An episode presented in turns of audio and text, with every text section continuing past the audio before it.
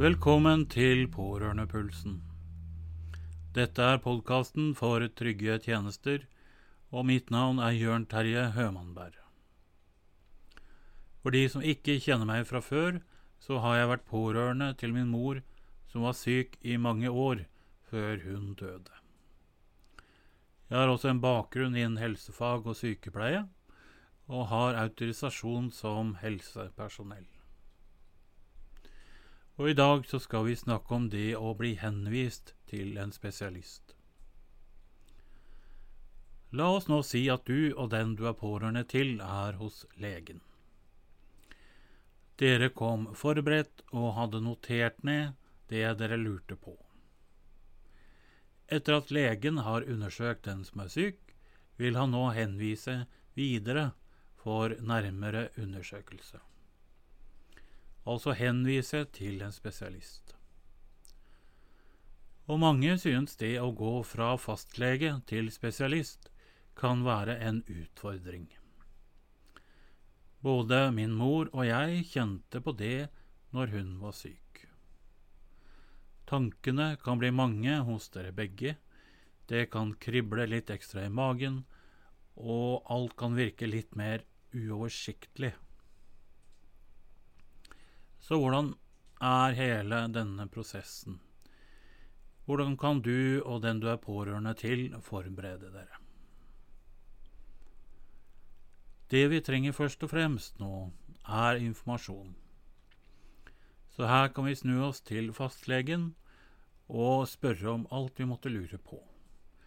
Er det nødvendig med spesialist? Hvor lang er ventetiden? Og spørre om alt vi kommer på.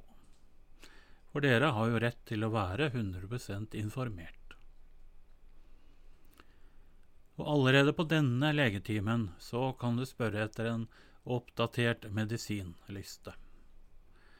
Når dere får brev som informerer om time hos spesialist, står det ofte at dere må ta med oppdatert medisinliste. Og på denne listen kan det være greit at kosttilskudd også står nevnt fordi enkelte kosttilskudd kan påvirke forskjellige medikamenter. Spør om hvilke andre dokumenter som sendes sammen med henvisningen, og be gjerne om en kopi av dette. For det kan være både en sikkerhet og en trygghet at dere kan ta med dere en egen kopi og det er ofte etter legetimen at spørsmålene kommer. Så skriv de ned. Dere kan jo ringe til legekontoret eller sende en melding via Helse-Norge hvor dere spør om det dere lurer på.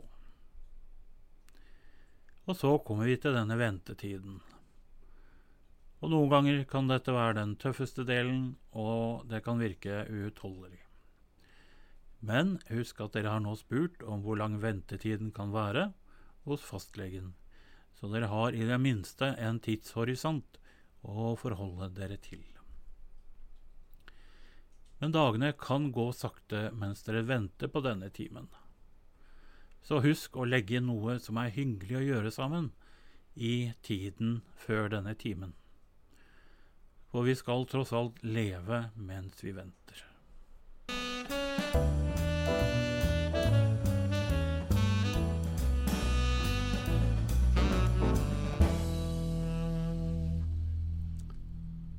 Så hvordan kan vi forberede oss til denne timen hos spesialist? Igjen, lag en liste med spørsmål, og vær så detaljert at dere føler dere trygge på det. Igjen, husk oppdatert medisinliste med eventuelle kosttilskudd. Kikk litt på spesialisten, bruk gjerne nettet og se hvem dette er.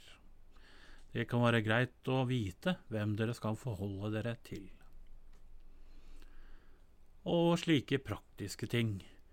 Dobbeltsjekk tid og sted for timen, finn ut hvor dere kan parkere, og kanskje om det er noe du må betale med en gang, f.eks. en egenandel. Slike ting kan redusere stress på selve dagen. Så kommer møtet og timen med spesialist.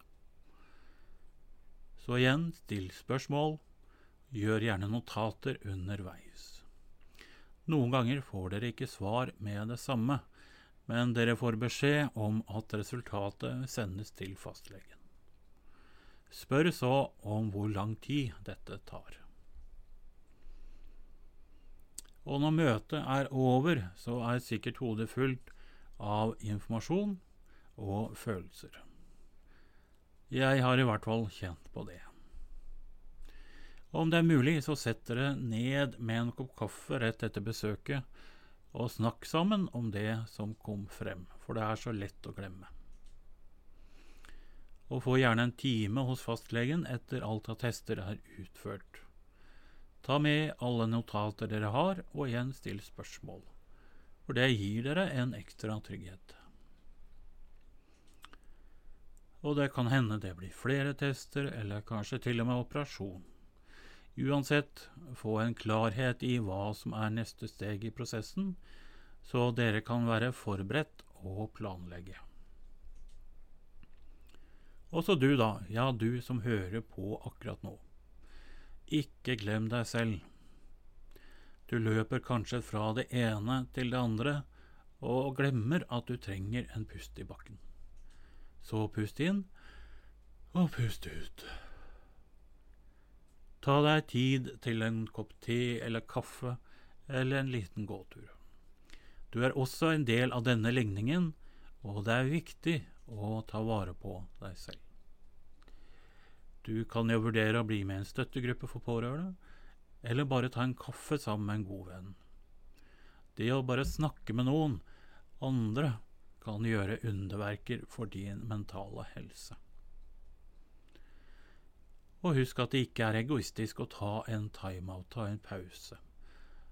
Som en rolig kveld hjemme eller gå på kino. For du vil være så mye bedre rustet til å ta vare på andre når du også tar vare på deg selv. Så la oss runde av dagens episode nå. Jeg vet at dette er en tid full av utfordringer og usikkerhet. Men jeg håper at disse tipsene kan gjøre reisen din litt enklere og litt mindre ensom. Dette var Pårørendepulsen, og jeg heter Jørn Terje Hømannberg.